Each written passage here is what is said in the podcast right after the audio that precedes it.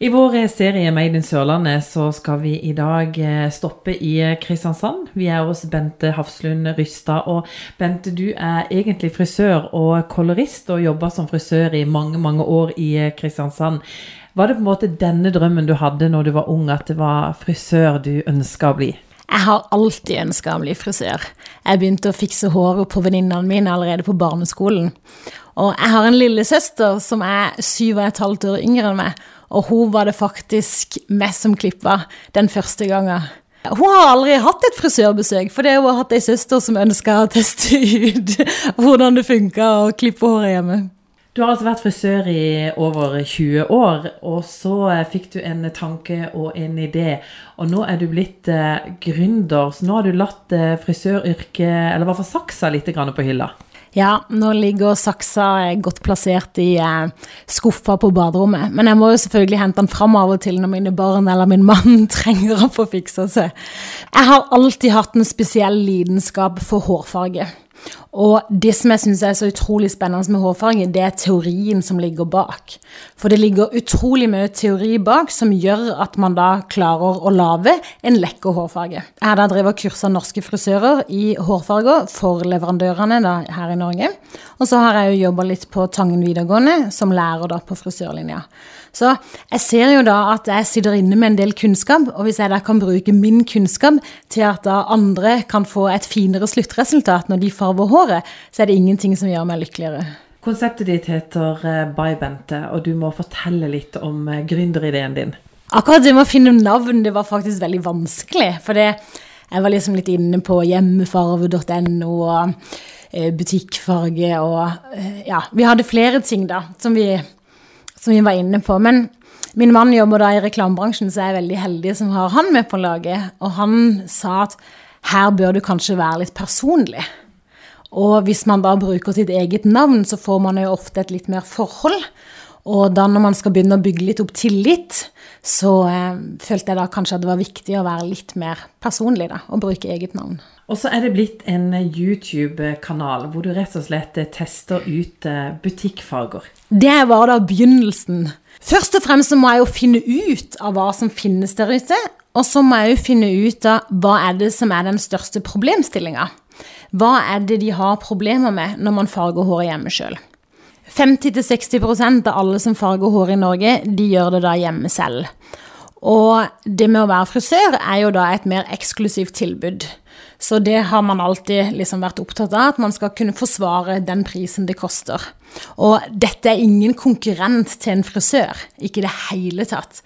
Jeg bare ser da at så mange da som farger håret hjemme sjøl, og så fins det ikke noe hjelp.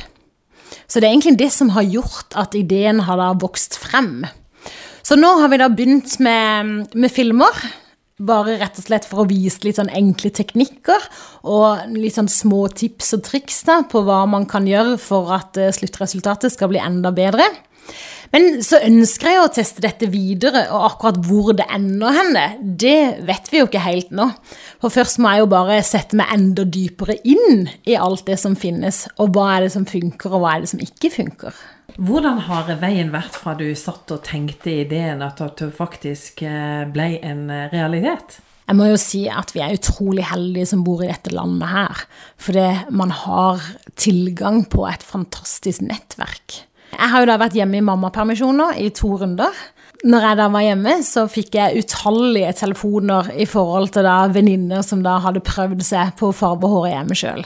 Flesteparten av de ble rett og slett eh, ikke bra. det er vanskelig å klare å lage en fin hårfarge hjemme sjøl når ikke man har noe kompetanse rundt det med å farge hår. Så det var sånn egentlig ideen begynte å vokse frem. At jeg så da at mine nærmeste gikk da på en brøler. Så hvordan da kan jeg hjelpe sånn at ikke folk går på denne brøleren? For det er utrolig kjipt hvis man da mister håret, som da faktisk ei av mine venninner gjorde. Og så er det jo mange årsaker til at man på en måte farger eh, håret hjemme og ikke tar seg tid og anledning til å dra til frisøren. Av de 50-60% som farger håret hjemme sjøl, så er det jo ikke alltid økonomien som avgjør om man da går til frisøren eller ikke. Det er jo mange andre utfordringer som folk har. Og det er én ting dette med økonomi, Men det er jo gjerne helseutfordringer. At mange kanskje ikke har helse til å kunne gå til en frisør. Du har jo disse da som lider av tidsklemma. Det kjenner en jo på sjøl nå i småbarnsperioden, og at eh, tida strekker ikke alltid til. Disse der som ikke har tid eller muligheten til et frisørbesøk, det er jo de jeg ønsker å veilede og hjelpe. Du tester butikkfager, butikkfarger, du gir eh, råd og du hjelper. Det er jo et, eller en helt liten vitenskap, dette her med, med, farger. og Skal man gå i butikken og så skal man bare finne en farge? Det kan jo fort bli katastrofe. Definitivt. Håret er jo en utrolig stor del av en identitet. Og spesielt da med de unge i dag, hvis man da ikke føler seg fin på håret, så kan jo det rett og slett gjøre at dagen blir ødelagt. For hvis man da ikke føler seg fin, så, så klarer man ikke heller å utstråle det man egentlig ønsker å utstråle. Du, eh, du, har eh, ditt eget eh, studio her hjemme på Justneshalvøya, og bare dette som er her, har vel vært en ny hverdag for deg? Ja, definitivt. Det er jo det gjesterommet som da har blitt gjort om til et studio. Og det er utrolig mye man må sette seg inn i. Det er jo en hel vitenskap, det her. Det er ikke for ingenting at dette er jo et eget fag. Men man lærer jo. Og jeg elsker utfordringer. Så eh, er vi så heldige òg å, å, leve i denne digitale verden òg, og da er det mye informasjon som ligger der ute på nettet. Så nå driver vi og jobber litt med å finne bedre lyd, fordi vi er ikke helt fornøyde med lyden som er på filmene. Så da er det mye tips der ute på nettet som vi da har plukka opp. Så eh, nei, vi er heldige som da eh, har mye kunnskap eh, som vi kan lære. Du er godt i gang med Bay Bente og disse videoene på, på YouTube. Hva tenker du om framtida for, for konseptet? Vi er jo bare akkurat helt i startfasen her. Og det er veldig mye å sette seg inn i. Og jeg skjønner veldig godt at mange har gått på en brøler. For det er veldig vanskelig å finne ut av disse farveboksene som du kjøper på butikken. Mitt mål er jo egentlig å gjøre det lettere for disse da som farger håret hjemme sjøl. Vi har jo liksom noen planer da, om man da kan lage en litt større digital plattform, sånn at man kan få mer personlig veiledning og mer personlig hjelp. Nå er jo ikke jeg veldig inne i den der digitale verden i forhold til hvordan ting lages, men jeg, fall, jeg, har i hvert fall et kreativt hode, så jeg ser for meg da en litt mer kanskje digital plattform, sånn at man kan få litt mer personlig hjelp. da, At vi kan gå mer inn på hver enkelt for å hjelpe på en best mulig måte. Et eh, spennende konsept du har eh, skapt. og hvor viktig har det vært for deg som uh, gründer å på en måte ha noen å spille ball med, og noen å snakke sammen med? Vanskelig å si at jeg er en gründer, for det Jeg bare forteller om, uh, om, min lidenskap, så jeg vil jo ikke si at, er liksom at den har gründa frem noe. Så akkurat det der med gründer syns jeg er litt vanskelig ord å forholde seg til. Men det er jo da et ord som da blir brukt. Men rundt det ordet, da så er vi så heldige å ha veldig mange forskjellige typer nettverk, og bare sånn som her i Kristiansand. Og jeg hadde aldri kommet så langt som det jeg har kommet nå, da, på bare noen få måneder, hadde det ikke vært for det nettverket. Så der jeg starta reisen, det var rett og slett at jeg ringte til gründertelefonen. Bare for å få litt veiledning i forhold til hvor man skulle da henvende seg. Så var det da gründertelefonen som da gikk inn i forhold til hvor man bodde, og så anbefalte de meg å kontakte Innoventus Sør. Og da kontakta jeg de, og så fikk jeg et møte med de. Innoventus Sør er jo da en organisasjon som da er med når du har kommet litt lengre, når ikke du da er helt på idéfase. Så da anbefalte han meg å kontakte Coworks, og da har de et program der som heter Gründerhub. Så da kom jeg med på Gründerhub kull 7. Så det er da et tre måneders opplegg som da du får veiledning og sit-downs og, og møter folk der som er i samme situasjon.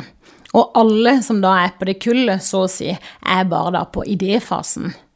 Så da er det da å sitte sammen med andre folk som er i akkurat samme situasjon, og da kan hjelpe hverandre videre.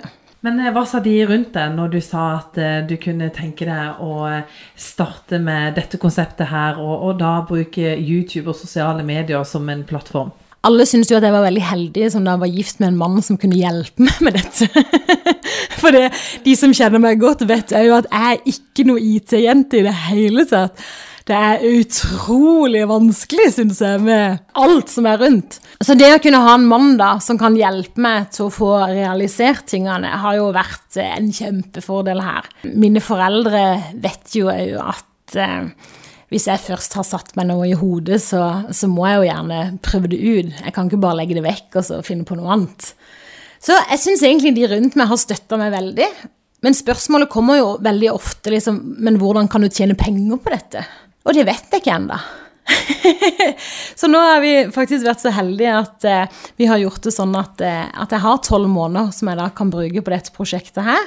Og så får vi se det etter tolv måneder om man kan klare da å få noe inntekt, sånn at man kan leve av det. For det, vi er jo faktisk avhengig av en inntekt òg her i livet. Så, eh, så, nå er det prøve å se da hvordan man da kan klare å tjene penger på, på dette konseptet. Nå har du lagd eh, noen filmer som er blitt eh, lagt ut på, på YouTube. og eh, hva slags tanker sitter du igjen med etter å ha prøvd dette her så vidt? Er det en spennende arena å jobbe på, noe du kunne tenke deg å fortsette med? Det er utrolig spennende. Det er kjempespennende. Jeg syns òg det er veldig gøy i forhold til det med YouTube òg. For du kan gå inn og så kan du se på statistikker og analysere tingene. Og da kan man jo òg prøve å lese litt ut ifra disse tingene. Hva er det da som folk er mer opptatt av, og hva er det folk er mindre opptatt av? Så det er, det er, en hel verden. Det er det. Jeg må si at jeg har fått utrolig mye positive tilbakemeldinger rundt filmene. Bare i barnehagen når en henter og leverer, så bare 'Du, så kult, liksom, det du har gjort nå'. Så jeg har bare fått positive tilbakemeldinger. Og jeg tror kanskje at folk ser at dette er en ting vi trenger. Jeg er jo da den første frisøren i Skandinavia eller Europa som faktisk går ut og hjelper de som da bruker butikkfarger eller fargebokser eller hjemmefarge eller hva man kaller det. For det som ligger der ute nå av frisører som hjelper, da er det bare profesjonelle farger. Det er ingen der som hjelper da med butikkfarger. Så bare det i seg sjøl er jo litt spennende å være først til noe. Men etter å ha testa ut litt eh, butikkfarger, eh, funker det? Er det noe vi trygt kan bruke? Jeg syns det er et veldig vanskelig spørsmål å svare på. For det, det er så utrolig forskjellig. Skal du da farge håret mørkere, så er vel kanskje det det jeg ser at det er det letteste å gjøre. Men jeg ser òg at utfordringa med å farge håret mørkere er gjerne at det ofte blir for mørkt. Det kommer det òg film om, hvordan da ikke få for mørkt hår når du farger det. Men jeg ser jo at den største utfordringa er da de som ønsker å dekke grått hår og være lyse. De som da ønsker å bleike det og vil ha det sånn sølvfarga. Det er jo litt utfordrende. Og det kan jo være utfordrende i seg sjøl bare for en frisør noen ganger. I forhold til de filmene som jeg har lagt ut, så har jeg jo gjort helt bevisst dette med at jeg ikke har vist hvilke farger jeg har brukt hjemme. Jeg ønsker ikke da å vise hvilke leverandører jeg bruker. Og det går jo litt på dette at, at jeg ikke sponsa på noen som helst måte. Og hvis jeg først skal anbefale noe, så ønsker jeg å vite 100 sikkert at jeg kan anbefale det. Og sånn som nå når jeg da er bare i testprosessen, nå driver jeg bare og tester ut tingene. Og da ønsker jeg ikke å vise fram for mye bokser i forhold til dette med å anbefale. For veldig ofte blir det òg på nett at hvis man går fram og sier at jeg bruker denne, så sier man egentlig indirekte at 'å, jeg anbefaler denne'. Eh, så det er derfor jeg holder litt tilbake dette med å vise rett og slett produktene. Hvordan kan jeg hjelpe da når jeg ikke viser hva jeg egentlig bruker? Så jeg prøver liksom å bruke ord da istedenfor å klare i forhold til tall hva man skal se etter, og hva tallene betyr. For det er veldig forskjell på leverandørene òg, hvordan oppbygginga er på fargene. Og før da jeg kan begynne å anbefale spesielle farger, så føler jeg at jeg må få enda mer kunnskap rundt det.